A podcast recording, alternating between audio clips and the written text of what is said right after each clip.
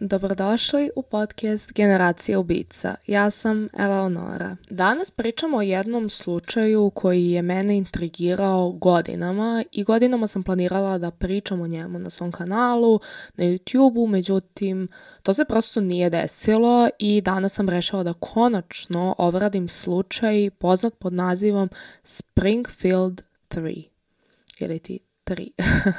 6. juna 1992. godine Suzanne, Suzy Streeter i Stacy McCall su diplomirale u srednjoj školi Kickapoo u Springfieldu u Missouriju. Ovakva vrsta dostignuća je obično razlog za slavlje, proslavu i to nije bio izuzetak za Suzy i Stacy. Te noći one su posetile nekoliko proslava zabava koje su se održavale oko Springfielda, znači u Springfieldu i obližnjem gradu Battlefield i znači bilo je više različitih maturskih proslava koji su organizovali njihovi prijatelji, onda su oni išli sa jedne zabave na drugu. Poslednja zabava na kojoj su otišle te večeri bilo je kod njihove prijateljice Janelle Kirby i na toj zabavi bile su negde do dva ujutru. E, plan u samom startu jeste bilo da provedu noć u Janellinoj kući, međutim bilo je previše ljudi koji su trebali tu da prespavaju i shvatile su da je prevelika gužva i odlučile da e, se zapravo vrate kući kod e, Suzine majke, Cheryl Levitt, i da kod nje provedu ovu noć. Da su devojke odlučile da ipak tu noć ostanu u Janellinoj kući kako su prvobitno planirale, možda se ovaj zločin nikada ne bi ni desio. Priča o Springfield trojci možda ne bi ni postojala. Međutim, to je samo nagađanje, zato što apsolutno nemamo pojma šta se desilo ovim devojkama. One su se vratile kući kod e, Suzine majke i njih tri više nikada nisu viđene, ni žive ni mrtve. Ovo je misteriozna i uzemiravajuća priča o nestanku tri žene koje je nerešena više od 30 godina kasnije. Prošle godine su slavili, mislim ne slavili, ali obeležili 30 godina od njihovog nestanka. U Sjedinim američkim državama postoji više različitih grada koji je nose naziv Springfield. Danas pričamo o Springfieldu koji se nalazi u Mizuriju, Grad se nalazi na jugozapadu Mizurija, među planinama Ozark i e, zapravo se nalazi jako blizu e, velike turističke atrakcije zamka Mizurija Bransona i e, malo dalje nekih možda sat vremena e, hoda od granice sa Arkansasom. Springfield je poznat po tome zato što je dom Državnog univerziteta Mizurija i um, ima negde oko 500.000 e, stanovnika. U vreme nestanka bilo je dosta manje, negde oko 140.000 stanovnika u Springfieldu. Kuća u kojoj su tri žene kako verujemo, nestale, nalazi se u ulici 1717 E. Delmar u Springfieldu, Mizuriju. Lako bi bilo prepostaviti da si ova kuća negde zapačena, zavučena, s obzirom da niko ništa nije čuo, ni video i njihov nestanak je e, dosta ogromna misterija. Međutim, ulica Ed Almar nalazi se na istočnoj strani Springfielda i kuća je okružena preduzećima kao i drugim domovima. Kada uporedimo sa današnjim vremenom, ovaj deo grada je definitivno dosta gušće naseljen nego što je to bilo pre 30 godina, ali kuća se opet nalazila okružena drugim kućama, što je još veća misterija zato što niko ništa nije čuo niti video. Nešto što želim da napominjem jeste da kuća ima veliko dvorište, što je možda olakšalo pristup sa zadnje strane kuće, ako su one otete ili ne znam, nešto im se drugo desilo u kući. Suzy i Stacy su poslednji put viđene oko dva ujutro kako napuštaju tu matorsku e, žurku, prijatelji se Janelle i e, bilo je više tinejdžera koji su ih navodno videli u to vreme, iako se vera da su svi bili pod uticajem alkohola i pitanje koliko su njihovi ispovesti pouzdane, verujemo da to jeste uh, otprilike vreme kada su napustile žurku. Znači oni su tu to veče um, prelazile sa jedne žurke na drugu, po komšiluku, obližnjim kućama i uh, na kraju završile nazad na Janelinu žurku gde su trajale predu noć, kao što sam već to pomenula, neću se sada ponavljati. Što se tiče Cheryl, šta se sa njom dešavalo uh, tog dana? Um, nešto što znamo kao posljednji kontakt koji je neko imao sa njom bilo je otprilike u 23.15 časova kada je razgovarala sa prijateljicom o farbanju romana. Znači skroz neki onako random, svakodnevni razgovor, ništa specijalno bitno, ozbiljno.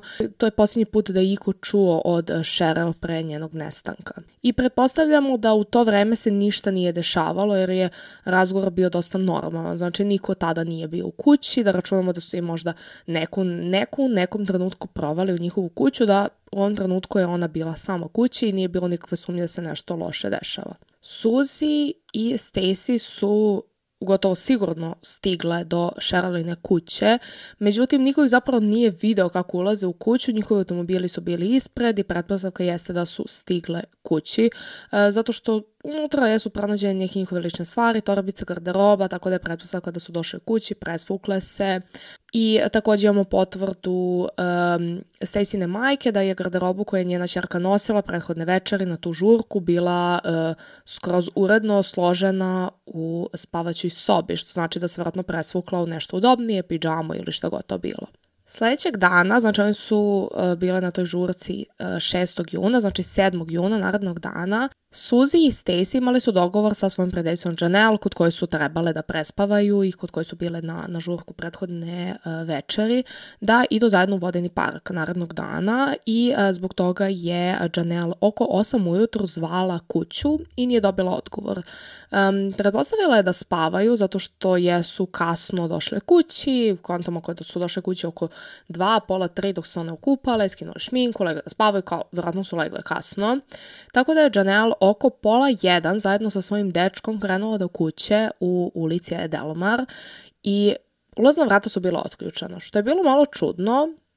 Ušli su unutra, unutra nije bilo nikoga. Sem Sharoninog psa Cinnamona koji je bio uh, jokšarski terije. Znači, malo je zbunjujuće zato što su im imena slična, ali imamo Stacy McCall, koja je bila drugarica, imamo Suzy i njenu majku Cheryl. Znači, čisto da onako imate, uh, da znate o kome pričam. Malo ume da bude zbunjujuće, zato što kao su sve, uh, imena su im slična i takođe grad u kome su nastali Springfield, sve počinje sa slovom S i malo onako zbunjujuće. Uglavnom, znači sreli su psa koji je bio u kući i um, rekli su da je delovao dosta uznemirano, što bi moglo da znači da se nešto desilo u kući. Nije bilo znakova borbe, osim svetla koji se nalazi na prednjem tremu koji je bio razbijen. Znači, um, to je bio neka vrsta kao onog fenjera, ono kao svetlo koje se stavlja napolje staklo je bilo slomljeno, iako sijalica bila cela i, i dalje svetlela, gorela. Ne shvatajući da njuškaju po potencijalnom mestu zločina, uh, Janelin dečko je uh, zapravo sakupio to slomljeno staklo metlom uh, kako bi pokušao da bude ljubazan i da im pomogne. Međutim, potencijalno u tom trenutku je on E, kontaminirao dokaze. Dok su se nalazili u kući, zazvonio je telefon i Janelle se javila nadajući se da su to drugarice. Međutim, pozivalac je bio neki čovek koji je ispričao neke izuzetno uzemiravajuće stvari i davao neke seksualne insinuacije i ona mu je odmah prekinula vezu. Telefon je ponovo zazvonio, Janela je pretpostavila da je to ista osoba koja je zvala pre par sekundi, tako da je samo prekinula vezu. Janelle i e, njen dečko su bili zbunjeni, ali nisu bili uspaničeni. Pomislili su su možda otišla na doručak, e, tada niste imali telefona, mislim kao mobilnih niste mogli da ih pozovete, da im pustite poruku. Tako da su on njih dvoje napustili kuću i nisu kontaktirali policiju zato što uopšte nisu shvatili da se desio neki zločin. Jer u kući nije delovalo da se bilo šta desilo. Bukvalno je bila, bilo sve sasvim normalno, izgledalo je samo da su oni izašli iz kuće i pretpostavili su da su možda otišli na doručak, um, da se malo rastrazne od prethodne večeri i da će se javiti u toku dana. Nekoliko sati kasnije, već uveče, oko 19 časova, uh, Janice McCall, koja je bila Stacyna majka, postala je zabrinuta jer nije mogla da kontaktira Stacy. Um, tako da je isto kao i Janice odlučila da poseti kuću. Um, misleći prvo da je njena čerka prespavala kod Janice, jer Stacy nije javila da će, da će ipak da prespava kod Suzine majke. Um, njena majka je bila malo zabrinuta zato što se Stacy nije javila, ali pretpostavljam da kada su donele tu odluku dva ujutru nije vratno bila najpametnija odluka da zove svoju majku toliko kasno i vratno je planirala da je narednog dana čim ustane pozove da i kaže gde je, ali nažalost to nikada nije mogla da uradi. Unutra kuće pronašla je uh, ženske torbice koje su bile uspravne i onako poređane u nizu, jedna pored druge. Svi ključevi od automobila bili su u torbicama kao i njihove cigarete. E, to je cigarete pušila e, Cheryl, suzina majka, što je bio dosta alarmantan dokaz da nešto nije u redu, jer kao koji aktivni pušač koji znači u svojoj torbici ima paklicu cigareta, ode negde bez njih. To prosto ne rade pušači, oni nose svoje cigare svuda sa sobom zato što ako ih nemaju nekom trenutku hvati panika i neophodne su im cigarete. Janice je bila dovoljno uznemirana da je pozvala policiju sa kućnog telefona u ulici 1717 Edelmar. Nakon što je obavestila policiju, proverila je govornu poštu i čula je ono što je opisala samo kao čudnu poruku koju je slučajno izbrisala pre nego što je bilo drug, uključujući policiju, mogao da je presluša. Zato ne znamo e, ko je ta osoba koja je zvala telefon i pretpostavljamo da je to isti čovek koji je uh, zvao kada je Janelle bila u kući sa svojim dečkom i uh, ona je mahinalno brisala poruku misleći da je to nešto ko zna šta. Kada čujete neku čudnu poruku koja zvuči kao neki prank call, logično ćete to mahinalno da obrišete. I pogotovo u to vreme su ljudi neko mahinalno brisali poruke, kada oslušate poruku vi obrišete. U tom trenutku je to uopšte nije palo na pamet da bi to moglo nekako, mislim da igra neku ulogu u ovom slučaju, niti ja mislim da je u tom trenutku razmišljala o tome kakva će ovo istraga postati i kakav će ovo slučaj postati i nije ni palo na pamet da je možda njena čerka nestala. Lokalna policija počela da istražuje kuću 8. juna, a FBI je pozvan već sledećeg dana. U obližnjim šumovitim predelima izvršeni su brojni pretresi bez uspeha. Policija je istražila brojne dojave, uključujući jedan u vezi sa prolaznicom ili beskućnicom navodno viđenom, viđenom u blizini kuće. Jedan u vezi sa muškarcem koji se pretvarao da je komunalni radnik koji istražuje curenje gasa i jedan koji se odnosi na kombi um, koji je navodno viđen u blizini kuće. Nijedan od ovih uh, tragova i još mnogo, mnogo dodatnih koji su podneti neposredno nakon nestanka Springfield trojke. Um, nijedan od ovih dokaza nije doveo do bilo kakvog značajnog razvoja u slučaju. Ubrzo slučaj Springfield 3 se ohladio, nije bilo uopšte znaka da će ovaj slučaj ikada rešiti. Međutim, pored toga slučaj nikada nije zaboravljen i dan danas se priča o njemu i dan danas postoji nada da će se rešiti. Postoji više različitih problema um, koji postoje u ovom slučaju i koji su potencijalno doveli do toga da on posle toliko velikog broja godina bude i dalje nerešen. Skoro svaki dokaz, um, kao polomljeno svetlo e, na tremu, torbice, uznemireni pas, e, grubi telefonski pozivi, čudnogovorna pošta bi mogli biti od vitalnog značaja, ali mi ne znamo šta je šta i šta, šta to može da predstavlja van nekog samo teoretisanja. E, nemamo kao potvrdu od policije šta bi to moglo da bude. E, može se zamisliti scenariju u kojem je bilo koje od ovih stvari moglo biti precideta koji je doveo do nestanka Springfield 3, ali takođe se može zamisliti scenariju u kojem bi bilo koje od ovih stvari moglo biti direktno povezano sa slučajem. Zbog toga je veoma teško znati na šta se fokusirati i e, kakve uopšte teorije razviti. Drugi problem jeste kontaminacija dokaza, koja je bila takođe dosta problematična. Bilo je neke stvari kao što je to počišćeno razbijeno staklo, zatim brisanje, izbrisane govorna pošta, neke stvari koje su nestale ili ozbiljno kontamirane pre nego što je uopšte policija stigla na mesto zločina. Treći kao problem koji bi pomenuo je uopšte rad policije, jer je policija kao da je davala neke detalje koji su uh, kojima su želi da opravdaju svoje, svoj posao na ovom slučaju, kao što je bilo da je policija prosenala da je 10 do 20 ljudi prošlo kroz kuću pre nego što je policija započela istragu. Uglavnom kao prijatelji, članovi porodice koji su prolazili uh, u nadi da će pronaći neki dokaz ili žene.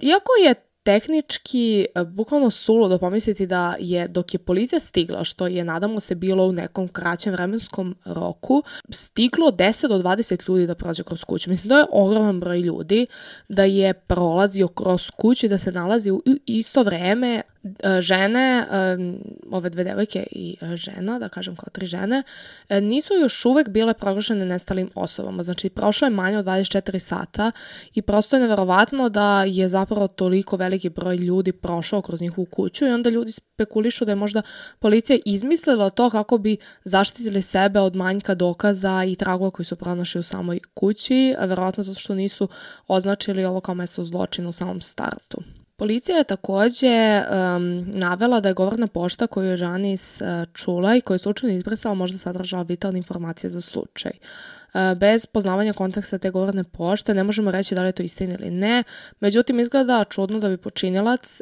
izveo skoro savršen zločin, ali ostavio nešto iza sebe na govornoj pošti. Činjenica da mi jednostavno ne znamo, a zbog kritike upućene lokalnim organima za provođenje zakona, zbog njihovog postupanja u ovom slučaju, teško je e, ne pogledati nijednu njihovu najavu bez bar trunkije skepticizma, znajući da ako je nešto pogrešno predstavljeno ili preuveličano, um, to bi moglo potpunosti da promeni našu percepciju celog slučaja. Želim malo da pričam o ovim ženama koje su nestale i da vas malo upoznam sa tim ko su one bile i um, onda ćemo da pređemo dalje na razvijenje slučaja. Sheryl Levitt je žrtva o kojoj znamo najviše. Um, ovo nije iznenađujuće s obzirom da je ona bila dosta starija od uh, devojka koja je samo što završila srednju školu. Sheryl ima 47 godina u vreme svog nestanka. Pored toga policija prvobitno tvrdila da bi neko ili nešto u Sherylinoj uh, pozadini moglo biti motiv nestanka Springfield 3. Ako je sve što se dešavalo u ovoj kući bilo unapred isplanirano, onda je Sheryl skoro sigurno bila meta. Zato što Suzy i Stacy na kraju krava nisu planirale da provedu noć u Sherylinoj kući do ranog jutra 7. juna. Oni koji su poznavali Sheryl, uključujući porodicu i prijatelje, karakterišu njen život kao život koji definiše upornost kroz nevolje.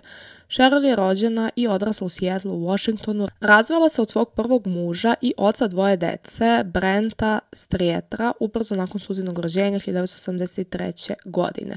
Brent je predložio da nastave da žive zajedno dok podižu svoju decu, Cheryl se nije složila. Dobila je stan za sebe i svoju decu, zarađujući eh, besplatnu kiriju i zamenu za rad eh, oko stambenog stambenog kompleksa. 1980. godine sa decom se preselila u Springfield, Missouri, gde je upoznala i udala se za svog drugog muža, Dona Levita. Razveli su se 1989. što je izazvalo finansijske komplikacije za Cheryl, ne samo zbog troškova samog razvoda, već i zbog toga što su je maltretirali e, Donovi poverionici koji su pokušavali da izvrše pritisak na Cheryl da prelati svoje dugove nakon njihovog razvoda. Cheryl je unajmila advokata da pronađe Dona i da ga primora da otplati sobstvene dugove, ni ona ni advokat nisu uspeli da uđu u trag Donu. U vreme nestanka radila je u salonu za nokte, u Springfieldu imala je oko 250 klijenata. Bila je poznata kao uzorna službenica, ali privatna osoba. Po svemu sudići, Cheryl imala najbližu vezu sa svojom čerkom, Suzi, sa kojom je bila prilično bliska. Njih dve su očigledno prošle mnogo toga zajedno, a nevolje su samo ojačale njihovu vezu. Ukratku, Cherylinoj pozadini nije bilo mnogo toga što bi sugerisalo šta se moglo, šta je moglo da se se desi ovim ženama 7. juna 92.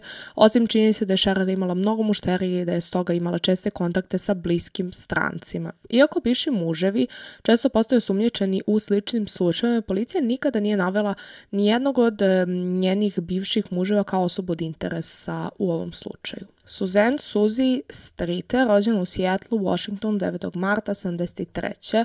80. kao što sam menula, presela se sa majkom i bratom u Springfield, Missouriju. Suzi je bila veoma bliska sa svojom majkom, toliko da je na dan diplomiranja otišla kući da pojede picu sa majkom pre nego što je krenula na maturske zabave, kada bi mnogi tineđeri odmah krenuli sa svojim prijateljima na noć slavlja. Suzy je prvi put upoznala Stacy i Janelle Kirby, eh, prijateljicu na čiji zabavi su predstavili prethodne noći, kada je bila u drugom razredu. Suzy je vraćana nazad godinu dana u školi jer nije bila dobar čitalac i u jednom trenutku je bila smeštena u razred za učenike sa, spe, sa smetnjama u učenju.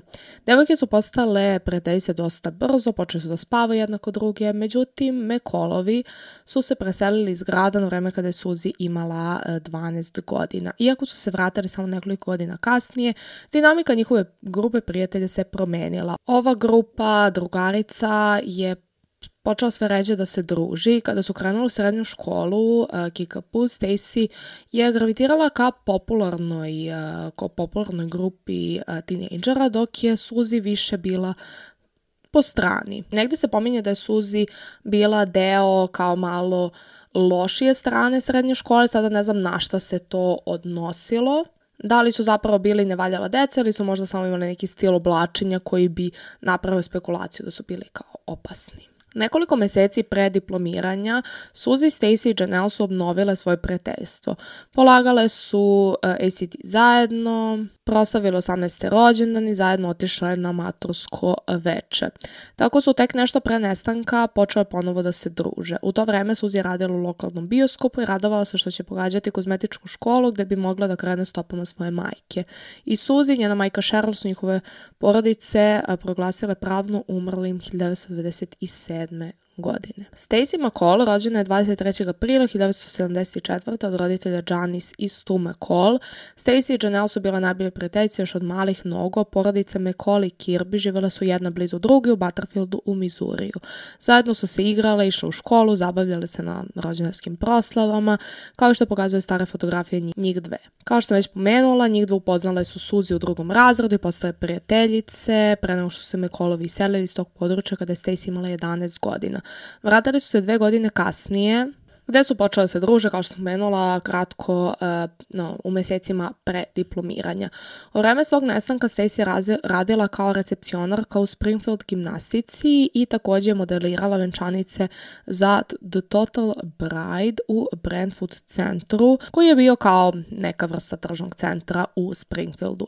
Stacey je planirala da u jesen započne koleđ na državnom univerzitetu Jugozapadnog Mizurija zajedno sa Janelle, a devojke su pričale o potencijalnom obećanju se sestrinstva. Njena majka joj je poklonila štene kokra španjela po imenu Buba za maturu. Kada vam ovako pričamo o ove tri žene, njihova pozadina ne pruža nikakav vredan uvid u to šta je moglo da im se desi i zašto su one nestale. Po svemu sudeći, to su bile tri sasvim normalne osobe, majka koja je bila uspešna i simpatična kozmetičarka i dve devoj, devojke sa jakim, velikim planovima za svoju budućnost. Cheryl je imala nekoliko bivših muževa, ali nijedan od njih nije bio nasilan, niti mogao da uradi ništa da povredi ove, ove žene.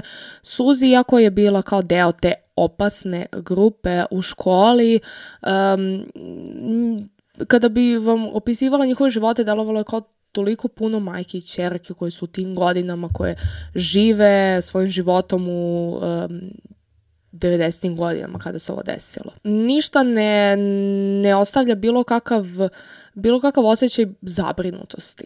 U stvari, ako se nešto ističe u životima ovih žena, to je koliko su oni bili normalni. Činilo se da nije bilo razloga da iznada nestanu, bez ikakvog traga, nije bilo znakova signala da će se ovim ženama bilo šta desiti. Mogo je biti bilo ko od nas ili osoba pred koje prolazite na ulici svakoga dana. Zašto baš oni?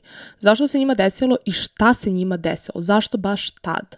Preći ću sad neke uh, dokaze koje imamo, koji su jako, jako mali, ali opet da imamo nešto na osnovu čega možemo da stvorimo neke teorije i zaključke šta se njima desilo. Ubrzo nakon nestanka ove tre žene, meštanka je prijavila da je videla zeleni kombi Dodge koji je upravljala mlada žena koja je ličala na Suzi. Žena je rekla da je Suzi izgledala uplašeno i čula je čoveka kako joj neki nepoznati čovek, kako joj kaže ne radi ništa glupo. Potraga za zelenim kombijem ubrzo je progutala celu istragu. Navodno kombi je viđen u blizini rezidencije u ulici uh, 1717 E. Delmar, što je podstaklo spekulacija da je pripadalo možda nekom kriminalcu ili grupi kriminalaca koji stoji iza nestanka ovih žena. Policija je ubrzo objavila fotografiju kako bi kombi mogao da izgleda. Takođe su hipnotisali ženu koja je prijavila da je videla kombi nadajući se da će moći da otkrije više informacija dok je u sugestivnom stanju. Međutim, ovo sve je bilo uzalud. Ono što je interesantno je da je ova žena videla kombi dok je bila na kao tremu u svojoj kući, bila u svom dvorištu i navodno je videla ženu koja izgleda kao Suzi i čula čoveka koji je rekao nemoj da uradiš ništa glupo. Kao, malo, malo ova priča nije baš 100% pouzdana i ne bih rekla da 100% verujem ovome. Policija je bila toliko oduševljena idejom ovog kombija i e, smatrali su da je to dokaz koji je bio ključan za pronalazak ovih žena ili barem za otkrivanje šta im se desilo, da su u jednom trenutku ofarbali sličan kombi u zeleno i ostavili ga ispred policijske stanice, nadajući da će reference iz starog života pomoći prolaznicima da identifikuju kombi. Ipak, nakon što su analizirali zapise hiljada kombi koji su odgovarali opisu vozila, policija otkrila da nisu bliže otkrivanju počinilaca. Dve žene su 2002. godine uputile policiju u pravcu betonske kompanije u obližnjem krugu Webster, navodeći da tamo ima muškarca koji je vozio sličan model kombija. Dovedeni su psi koji su um, njuškali obližnji deo i pronašli su kosti. Um, I policija se nadala da je to to, da su pronašli telo ovih žena, međutim dalje ispitivanje su potvrdila da su kosti bile suviše stare da bi pripadale nestalim ženama. Zatim 2003. policija dobila dojavu koja ih je odvela na farmu južno od obližnje Kasvela u Mizuriju. Kopali su tamo dok nisu pronašli nešto što je bila potencijalna krv i deo sličnog kombija. Sve ostalo što su pronašli i ta kao moguća krv se pokazali neubedljivim. I činilo se da je ova putanja istrage napuštena. Policija je ovo preuzela kao toliko bitan dokaz koji ja mislim da uopšte nije trebao da se smatra toliko bitnim dokazom zato što realno nije bio. Mislim da je ta kao ideja da, da, da, to je ono što se desilo, neko je nestao i kao to je bio neki muškarac u kombiju koji ih je strpao u kombi. Kao kidnapovanje ne mora baš tako da izgleda. Može, ali i ne mora. E, nešto što je takođe dokaz jeste to razbijeno, razbijena ta lampa koja se nalazila na uh, tremu i koja je bila upaljena i uh, staklo nikada nije bilo moguće propisno analizirati zato što je bilo kontamirano kada ga je dečko Janel uh, pomeo i bacio u obružnju kantu za smeće pre nego što je moglo da bude pregledano od strane organa za sprovođenje zakona. Kao što sam ranije objasnila, on je to smatrao znakom ljubaznosti da to pokupi, da im pomogne jer nije bilo znakova koji bi ukazali na to da se nešto loše da sa ovim ženama. Šta više, navodno u trenutku kada su došli u kuću, Janelle je bila bosa i onda je njen dečko pokupio to staklo kako se ona ne bi posekla, tako da je to e, bio još jedan razlog zašto on rešio da pogupi to staklo.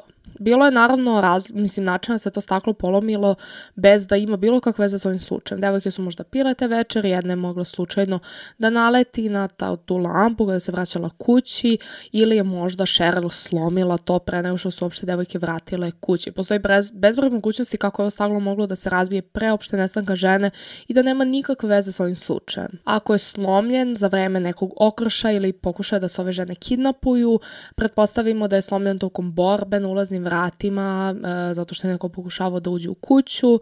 Iako nije bilo nikakvih znakova borbe, mislim da bi bilo nemoguće da vi udarite u tu lampu i da slomite samo staklo da sjelica ostane netaknuta, e, jer je bilo potrebna neka sila da vi slomite to staklo, tako da je više dalo kao nesrećan slučaj. E, neki su sugerisali da je možda ova lampa slomljena kao vrsta smetnje, kako bi kao policija se zadržala i promišljala zašto je ta lampa slomljena um, neki su um, nagađali da su napadači možda razbili uh, ovu lampu nadajući se da će zvuk privući žene ka vratima, možda ih otvoriti i um, kako bi napadači mogli da uđu unutra. Drugi su sugerisali da ovo moglo biti nameštanje nesreće, da je neko pitao da li može da pristupi domu, da koristi telefon ili nešto slično.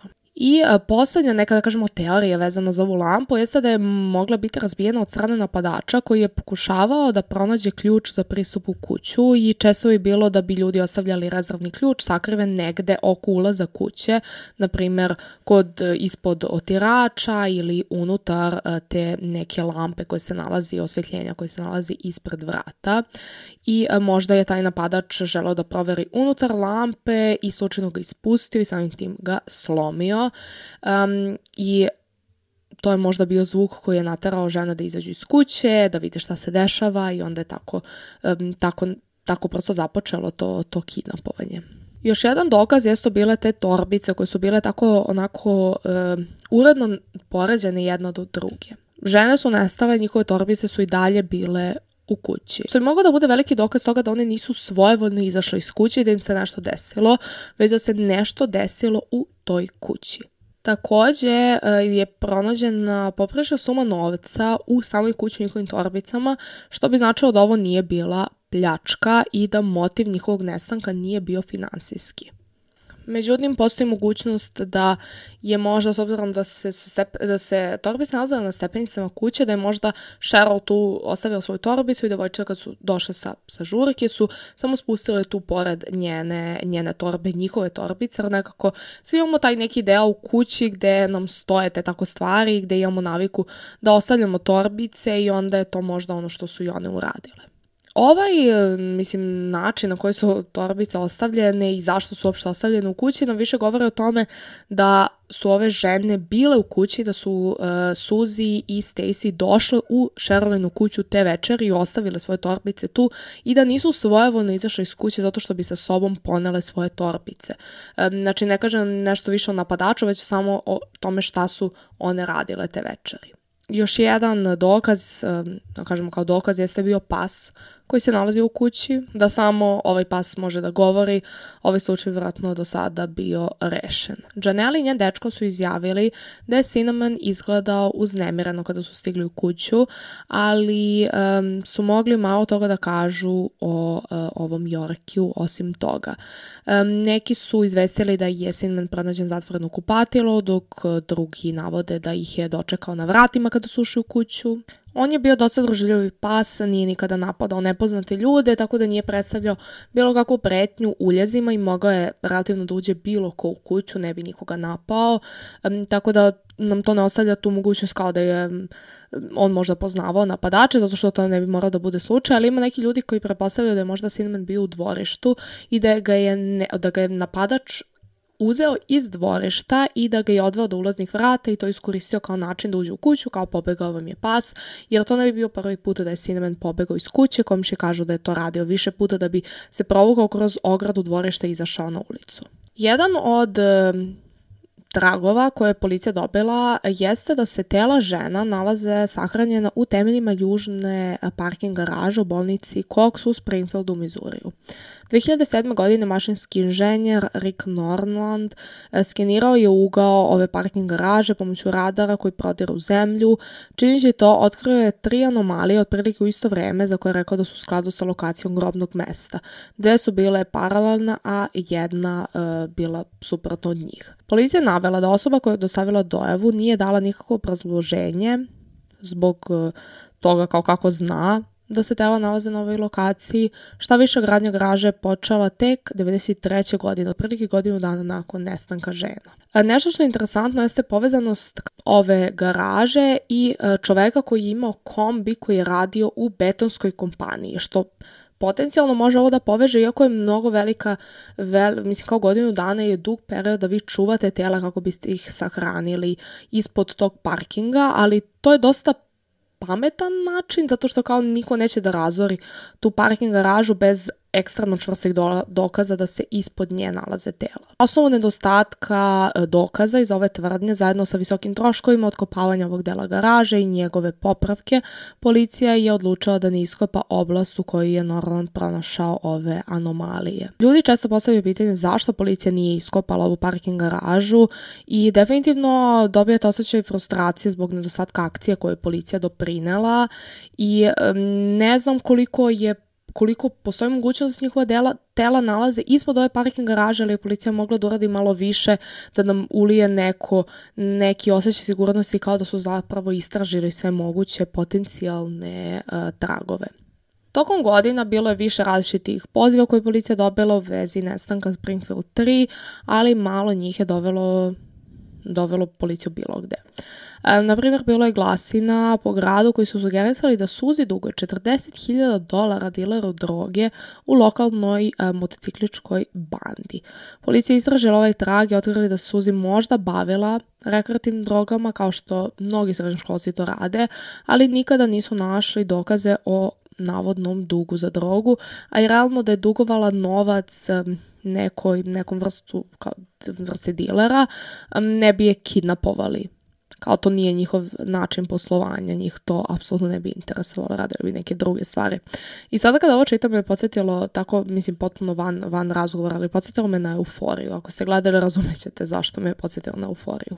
Sve ove priče i glasine su povezane sa tim da se veruje da Suzi bila u toj nekoj kao um, opasnoj, opasnoj druženi. Nekoliko njenih bivših momaka je bilo pod istragom i sa dobrim razlogom. Jedan od njenih bivši je fizički zlostavljao Suzi i uh, u jednom slučaju prerazao gume na automobilu. Drugi je bio uhapšen uh, zbog pljačke groba dok je bio pod uh, uticajem različitih droga i oni su zapravo pljačkali grobnice kako bi krali zlatne zubi i onda ih kasnije prodavali, što je užasno. Međutim, oni kao potencijalno osumnjičeni su se pokazali kao ćorsokak i policija je prestala da ih istražuje. Sada kada vam pričam o ovim dokazima, čini se da postoji mnogo nekih različitih tragova koji su, koji imaju mogućnosti za dalju istragu, ali na kraju sve to vodi u još više nekih pitanja i sve manje odgovora. Da li to bilo zbog kontaminacije mesa zločina ili nepovezanih glasina koji su slučaju okrenule u besmislene smerove kao što onaj kombi. Znači neko se istraga vodi u nekom suprotnom pravcu od njenog rešavanja. Bilo je jako teško, mislim, upoređivati sa današnjim vremenom, tada nije bilo telefona, društvenih mreža niti bilo čega sličnog i onda je bilo jako teško uopšte shvatiti šta su one radili te več, šta su one radile te večeri, da li su noć provele tu, da li su ujutro bile još uvek tu, kao bukvalno ne znamo ni kad su nestale, niti šta im se desilo i um, da se ovo dešava u današnje vreme mislim da bi bilo rešeno mnogo, mnogo brže. Zato što mi volimo da overshareujemo i uglavnom delimo previše informacija online i često delimo i lokaciju i sve slično, tako da bi bilo jako teško da se danas desi ovako slučaj da ostane hladan slučaj 30 godina. Uprkos manjku dokaza, postoji ogroman broj osumnjičenih u ovom slučaju. Pričat ću o nekim od njih. Postoji puno osumnjičenih, neću prelaziti sve njih. Um, među njima ima nekih rođaka, nekih serijskih ubica i nekih misterioznih ljudi. Prvo ćemo pričati o Robertu Craigu Coxu, koji je, mislim, jedan od najpoznatijih osumnjičenih za nestanak Springfield 3. U stvari, on je jedini osumnjičeni koji se pominje na većini poznatih sajtova i novinskih članaka. Um, Robert je jedina osoba koja ikada priznala otmicu i ubistvo Springfield Rock. I zato pitate kao kako je priznao, zar onda on ne bi trebao, kako je onda ovaj slučaj nerešen. U decembru 1988. službenica Denise Ward Sahron Zellers nikada nije stigla kući nakon smene. Nekoliko nedelja kasnije njeno vozilo je pronađeno napušteno i sledećeg dana njeno telo je bilo otkriveno, potpuno potopljeno u kanalizaciji nedaleko od Šumaraka čoveka. Njeno telo je bilo razloženo pa je moglo da se identifikuje preko zubnih kartona. Umrla je od traume tupim predmetom. Bila je udarena 14 puta. Možda nešto što je najuznemiravajuće jeste da je ona vratno preživela 20 do 30 minuta nakon brutalnog napada. Znači, vratno je preminula od gubitka krvi. Policija nije morala dugo da traži pre nego što je pronašla 19-godišnjeg Roberta Craiga Coxa koji u to vreme sa porodicom letovao u tom području. Nažalost, dokazi protiv Coxa bili su ograničeni, pa će proći godine pre nego što se protiv njega preduzme bilo kakva pravna radnja. U noći njenog nestanka Cox je naleteo porodičnu motelsku sobu u Orlandu, značajno krvareći i na ivici da se on nesvesti i nedostajao mu je vrh jezika, bukvalno je odgrezao sobstveni jezik, što mi je toliko odvratno. Kasnije je rekao policiji da ga je udario veliki crnac tokom svađe na obližnjem klizalištu, um, zbog čega se ugrizao za jezik i odgrizao ga. On je policiji rekao da je bio umešan u tuču na polju, u kojoj su učestvovali četiri belci i četiri crnca. Nakon tuče tvrdio da je ušao u svoj auto, vozio se okolo i izgubio se, zatim se vratio u Skate World gde mu je stranac ponudio vožnju do motela. Uprkos tome, u koksovom vozilu nije pronađena krv, kao što je se očekivao za nekoga ko je tako obilno krvario. Šta više, niko u skate worldu se nije sećao velike tuče koje je Cox opisivao i nisu mogli da lociraju navodnog stranca koji je odvezao Coxa nazad u motel. Njegova libi jednostavno nije postojao. Na mestu zločina pronađena je krvna grupa pa nulta koja je odgovarala Koksovoj krvnoj grupi, ali ne i Denisinoj. Šta više u njenom automobilu je pronađen krvni otisak čizme koji je odgovarao čizmama koje je nosio Robert. Bez obzira na, moš, na mnoštvo posrednih dokaza nije bilo dovoljno forenzičkih dokaza, pa je policija zanemarala podizanje optužnice, barem sve dok Robert nije uhvaćen na licu mesta. Dve slične otmice koje su pokazale njegovo nasilno uvredljivo ponašanje, posebno prema ženama, onima koji su bile stranci, baš kao što je i Denise bila. Na njegovom suđenju e, porota je smatrala da su posredni dokazi e, svi skupljeni zajedno više nego dovoljan dokaz Robertove krivice, osuđen je na smrt 88. To je bilo daleko od kraja njegove priče. Sud je razmotrio Robertov slučaj i odbacio njegovu osudu, tvrdeći da nema dovoljno dokaza. Nisu dozvolili tužilaštvu da ponovi suđenje i Robert je ubrzo pušten na slobodu. Znači nije ostao u zatvoru, kao dobio smrtnu kaznu onda su to preokrenuli i pustili ga na slobodu. E, preselio se kod svog brata u Springfieldu, Mizuriju, tamo je živeo te 92. godine, znači on se preselio samo par meseci pre ovog nestanka. I tamo je živao i nekoliko godina kasnije. 95. tokom oružane pljačke u Teksasu, Robert je držao 12-godišnju devojčicu na nišanu. Za ovo krivično delo on, još, on još uvek u zatvoru i imaće pravo na uslovni otpust 2025. godine. Nejasno je kada, je kada se Robert uopšte umeša u ovu tragičnu priču nestanka Springfield 3, ali se veruje da je to bilo 97. 96. Robert je počeo da se bukvalno poigrava sa lokalnom policijom, tvrdeći da zna šta se desa o ženama i gde su sahranjene, ali da ne želi da kaže gde. Dao je slabo alibi za vreme otmice i a, policija je do tada dokazala da je to laž. Znači da je lagao za svoj alibi. Kaže da će otkriti šta se desilo i gde su žene sahranjene nakon što mu umre majka. Umeđu vremenu, međutim, nije iznao nikakve detalje koji sugerišu da on zna bilo kakve informacije. Robert je u to vreme bio, radio za komunalne usluge u gradu u vreme nestanka žena, što je prema istražiteljima jedan od načina na koji je ubica mogao da priđe kući i uhvati i kidnapuje ove žene. Takođe ima dugu istoriju sadističkog ponašanja prema ženama, koje su u suštini neke žene koje ne poznaje, kao što su to bile ove tri. Ipak nedostatak bilo kakvih dokaza ili informacija navodi na to da um, svi verujemo da Robert prosto traži pažnju, da nema pojma šta se njima desilo i a, generalno ono što je meni neverovatno da poverujem jeste da je ovaj slučaj odrađen tako perfektno da ne postoji nikakav dokaz i da policija nema pojma šta se njima desilo, dok je Robert dosta aljkav i nema, nema tu taj nivo ne znam kako to nazovem, kao e, perfekcionizma da bi izvao ovakav zločin. Veruje se da ovo radi samo zbog pažnje, da bez ovog slučaja Robert Cox je prosto zaboravljeno, e, mizogino čudovište koje je trudno u zatvorskoj ćeliji. Uz ovu priču on dobija novinare, posetioce i radost zbog patnje preživelih e, porodica ovih žena. Ne znam, mislim, kada bude umrla njegova majka, možda saznamo stvarno nešto više. Što je užasno pomisliti, ali da. Još jedan osumnjičeni koji se stalno pominja u ovom slučaju jeste Bart Streeter koji je e, Suzanin stari brat i Sherilyn sin. On je bio stariji 9 godina od Suzi i Lično nemam mnogo nekih dokaza koji bi nam pokazali da je on zapravo pravi kao osumnjičeni, ali definitivno postoji nekih stvari. Um, prvo i najvažnije je da visok procenat otmice i ubistava počinje članovi muže porodice. Um, Bart je bio onaj koji imao najslabije alibi i nije imao baš najbolji odnos sa svojom majkom. Bart je bio oduđ, otuđen od strane svoje majke, od svoje sestre u vreme njihovog nestanka. Imali su problematičnu vezu, delom zbog uh, Bartovog problematičnog odnosa sa alkoholom. Uh, te noće Bart je rekao policiji da je pio, zadnji se nesvestio kod kuće. Pošto je Bart živao sam, nije bilo nikog ko bi mogao da proveri um, njegov alibi. Uprko s ovim faktorima koji su prilično zabrinjavajući, Bart je uvek u potpunosti sarađivao sa policijom Springfielda, pored toga otišao i na poligraf, ubrzo nakon nestanka žena i prošao je. Iako su poligrafi generalno nepouzdani, njegova spremnost da uopšte uzme alibi i njegova puna saradnja sa policijom ohrabruju znak da je on nevin. Međutim, Bart ima zabrinjavajuću prošlost koji ga drže kao slobodi interesa u ovom slučaju i dalje i tera ljude da se zapitaju da li bi on bio sposoban da učini nešto njegovoj majci. Još 2000. godine Bart je bio pod istragom u vezi sa slučajem otmice i prinudu Las Vegasu. Ne postoji puno informacija o ovome i um, čini se da Bart nikad nije imao uh, formalno suđenje.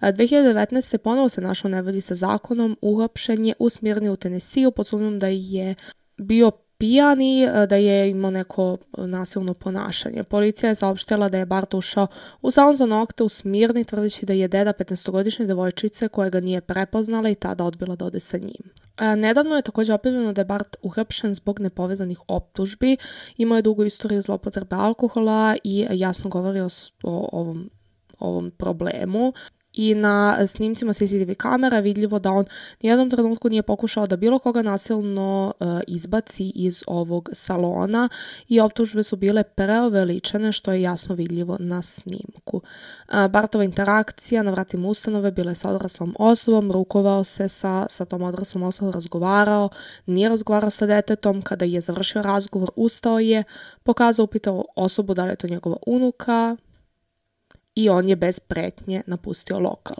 Nije sigurno kako je priča toliko eskalirala kada je ispričano medijima i policiji i zašto su mediji ignorisali očigledne video dokaze u ovom izveštaju.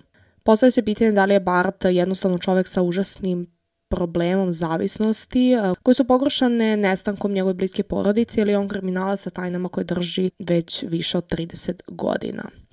Generalno mislim da ljudi više veruju da je Bart nevin zato što nema nekih dokaza da je on bilo kako želao da povredi njegovu majku ili sestru ili da je njihov odnos bio toliko strašan da bi pomislio da uradi tako nešto. Sljedeći čovjek komu ću pričati jeste Steven Garrison. On trenutno služi 40-godišnju zatvorsku kaznu zbog um, zlostavljanja, terorisane studentkinje u Springfieldu 93. godine. Slično kao i Robert Cox, Steven je policiji pružio informacije koje su možda bile legitimne ili su možda bile bolesni pokušaj da privuče pažnju ili da se oslobodi zatvorske kazne, tako što bi policiji dao lažne informacije. Tvrdio je da kod pijene zabave njegov prijatelj priznao da je ubio Springfield 3 i rekao mu gde je zakopao tela i sakrio neke dokaza. Ime ovog prijatelja nikada nije objavljeno u javnosti. Kao rezultat njegovog otkrića, Stevenovog priznanja, policija dobila tri naloga za pretres dve lokalne lokacije u okrugu Webster, nešto istočno od Springfielda. Policija ranije pretražila jednu od ovih lokacija 90. godine pre nego što je Springfield trojkovšti nestala u vezi sa drugim slučajem višestrukog nestanka osoba. Ovaj je bio nekako umešan sa poslom sa drogom. Garrison je takođe dodao da će pronaći kombi koje je maslinosto zelene boje u kojem su žene otete um, 15 km južno od tog mesta. Pominjala sam već uh, ranije kombi. Međutim, ova informacija vezana za zeleni kombi je bila poznata javnosti u ovom trenutku. Međutim, razlog zbog je policija dala težinu uh, Garrisonovoj priči je bio taj što se činilo da zna detalje o slučaju koji nisu objavljeni u javnosti. Očigledno policija je bila toliko oduševljena ovom pričom da su izdali naredbu o uh, zapečaćenju cele, cele priče oko ovih pretraga, tako da mi nemamo pojma ni koje mesta su pretražili, ni šta su pronašli, ni da li su nešto pronašli. Znamo da sigurno su pronašli tela žena, bi to do sada bilo objavljeno i sigurno nisu pronašli zeleni kombi. Um, međutim, ono što je najveće pitanje se da li su uopšte na kraju bilo šta i pronašli. S obzirom da njegova zatvorska kazna nije smanjena, pretpostavljamo da informacije koje je dao nisu bile toliko bitne da bi policija žela da bilo kako njemu izda nešto kao da mu smanji zatvorsku kaznu ili nešto slično. Veliko pitanje koje ostaje jeste kako je Garrison znao detalje slučaja koji nisu objavljeni u javnosti, da li je jednostavno napravio neka srećna nagađanja ili je on ili neko koga poznaje zaista počinio ovaj zločin i želeo da iskoristi slučaj da zadobije naklonost pravnog sistema, a da zapravo ne otkrije identitet te osobe. Postoji jako mala informacija o Stevenu Garrisonu um, kada pričamo o ovom slučaju, tako da uh, stvarno nemam odgovor na to pitanje. Pored toga što imamo kao puno dokaza koji su dokazi, a i nisu dokazi, tako imamo i puno osumnjičenih koji u isto vreme i nisu ni osumnjičeni, zato što nijedan od njih nema solidan alibi za to veče, ali takođe nema nikakvih dokaza ni protiv njih. Cox uh, je očigledno sadista sa nasilnom istorijom, um, koji je bio u to vreme u tom području. Bart ima istoriju zlopotrebe alkohola i viš, višestrukog višestrukih problema sa, sa ovim devojkama, sa svojom majkom i sestrom. Garrison je za informacije o slučaju koji nisu bile poznate javnosti. Pa ipak, koliko ima neke stvari kao koje bi mogle da nam potencijalno kažu da su oni nekako umešani, um, Cox nikada nije otkrila nikakve informacije koje su pomogle u rešavanju slučajeva, Bart je dosta neuredan i ako je to učinio, mislim on je to veče po svojoj priči bio dosta pijan i prosto nema takav um da bi mogao ovako nešto da izvede, slično kao i Cox. I uh, Garrison je uputio policiju očigledno u nekom pogrešnom pravcu koji nije doneo nikakve nove odgovore. Svi oni u isto vreme bi mogli da budu počinioci, ali u isto vreme koliko bi mogli, toliko i ne bi mogli da budu. Geral Karnahak je slična osoba kao što je bio i Cox, bio kriminalac, grabežljivac i postoje DNK dokazi koji to potkrepljuju. Geraldova porodica posjeduje Springfield Aluminium, uh, livnicu Aluminium u toj oblasti, a on ima dugu istoriju napadanja lokalnih žena. 2010. godine um, Gerald je konačno osuđen za ubistvo i zlostavljanje Jenny Jones iz 85. Um, Jennino ubistvo ostalo je nekažnjeno 25 godina zbog nedostatka dokaza um, koji bi povezali uh, Geralda sa zločinom. Dokaz koji je to, konačno to uradio je se, bilo mali, je se bio mali uzorak DNK dokaza koji je povezao Geralda sa ubistvom. Geraldov branioc izjasnio je da se spustio na oko 8 milionitih delova DNK. Drugim rečima, Gerald je počinio zlostavljanje i ubistvo i za sebe nije ostavio nikakve dokaze osim minijaturne količine DNK. Ako ovo zvuči poznato, trebalo bi slučaj Springfield 3 je ozloglašen zbog nedostatka dokaza na mestu zločina. Čovjek se pita da li je nedostatak dokaza u seriji um, u slučaju Jackie Jones bio čista sreća ili predstavlja obrazac za serijskog predatora koji je savladao umetnost ostavljanja vrlo malo iza sebe. E, Znam u najmanju ruku da Geraldovo zlostavljanje i ubistvo e, Jenny Jones nije bio izolovan incident. E, osuđen je 93. godine, ubrzo nakon nestanka Springfield 3, za pokušaj otmice mlade žene. Prve presude pre, priznao krivicu za provalu, krađu i podmetanje požara u drugom incidentu. Znamo da je ponovljeni prestupnik koji je ranije ubijao i ima naviku da napada ženu u tom području. On je takođe bio u tom području u vreme i aktivno se bavio kriminalnim aktivnostima kada su Springfield 3 ne nestale. Međutim, osim toga nema dokaza koji ga povezali sa nestankom, iako je bio apsolutno sposoban da počini zločin, svaka sugestija da je on umešan je čista spekulacija. Sledeća osoba o kojoj ćemo pričati jeste Janelle. Um, iako ja lično mislim da Janelle nije osumnjičena, postoje ljudi koji smatraju da možda jeste. Janelle je bila jako dobra prijatelj sa Suzy i Stacy. Zašto ljudi smatraju Janelle sumnjivom? E, to je zbog njenog ponašanja tog jutra e, kada su došli u um, kuću koju su devojke nestale.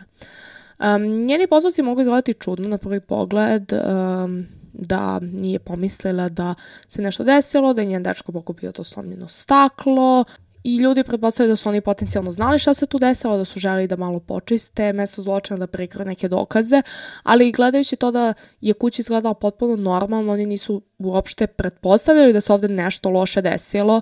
Prosto ne, ne vidim zašto je njeno ponašanje bilo toliko sumnjivo da su ljudi zapravo verovali da ona nekako nudela svojim predeljicama.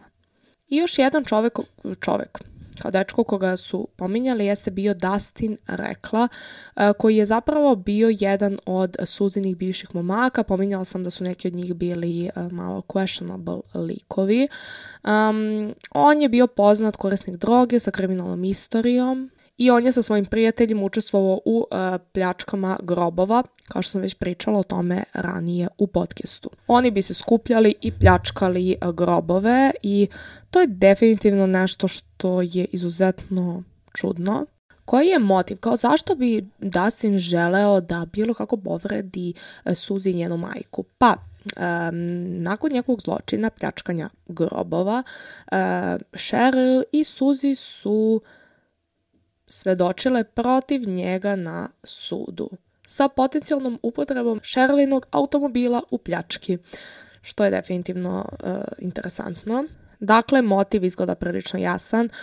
I Suze su odločile protiv uh, Dustin i njegovih prijatelja, okrenule se protiv njih. Ili su naterali žene da one same nestanu ili su im pomogli u tome, banda koji su oni e, navodno pripadali. Međutim, ono što je nelogično zato što oni nisu dobili nikakvu zapravo kaznu na suđenju tom za to pljačkanje. Dobili su samo uslovnu kaznu i ne delo je kao da bi neko rizikovao da bude uhvaćen za mnogo veću kaznu kao što je kidnapovanje samo zbog uslovne kazne. Bukvalno je nemoguće. Takođe, uh, Larry Devin Hall i njegov brat blizanac Gary Hall se često pominju u vezi sa ovim slučajem. Uh, Larry je osumnjičeni serijski ubica um, koji je često radio u društvu svog brata Gary'a. Dokazano je da je Larry ubio samo dve mlade žene, iako je priznao da je ubio 15 do 39 žena. Um, je broj zato što je on priznao i povlačio svoje priznanja. Uglavnom, rečala sam da nešto ne pričam o ovome zato što mislim da nema nešto puno dokaza da su oni bilo kako učestvovali, sam čisto žela da napomenem zato što se pominje. I to bi prilike bilo to uh, što imam danas u ovom celom slučaju. Ovo je definitivno dosta dug podcast, ne znam sada kada ga budem izeditovala koliko će dugo trajati, ali ima dosta informacija koje treba svariti i dosta osumnjičenih o kojima sam ja danas pričala. Um, tako da ne znam šta vi mislite, interesujem vaše mišljenje, ostavite komentar na YouTube-u ili mi pišite na Instagramu. Um, šta mislite ko je odgovoran za ovaj nestanak ili potencijalno ubistvo ove tri žene? Um, da li mislite da smo, da je to neko od osumnjičenih o kojima smo danas pričali ili mislite da se radi o nečemu potpuno, potpuno suprotnom?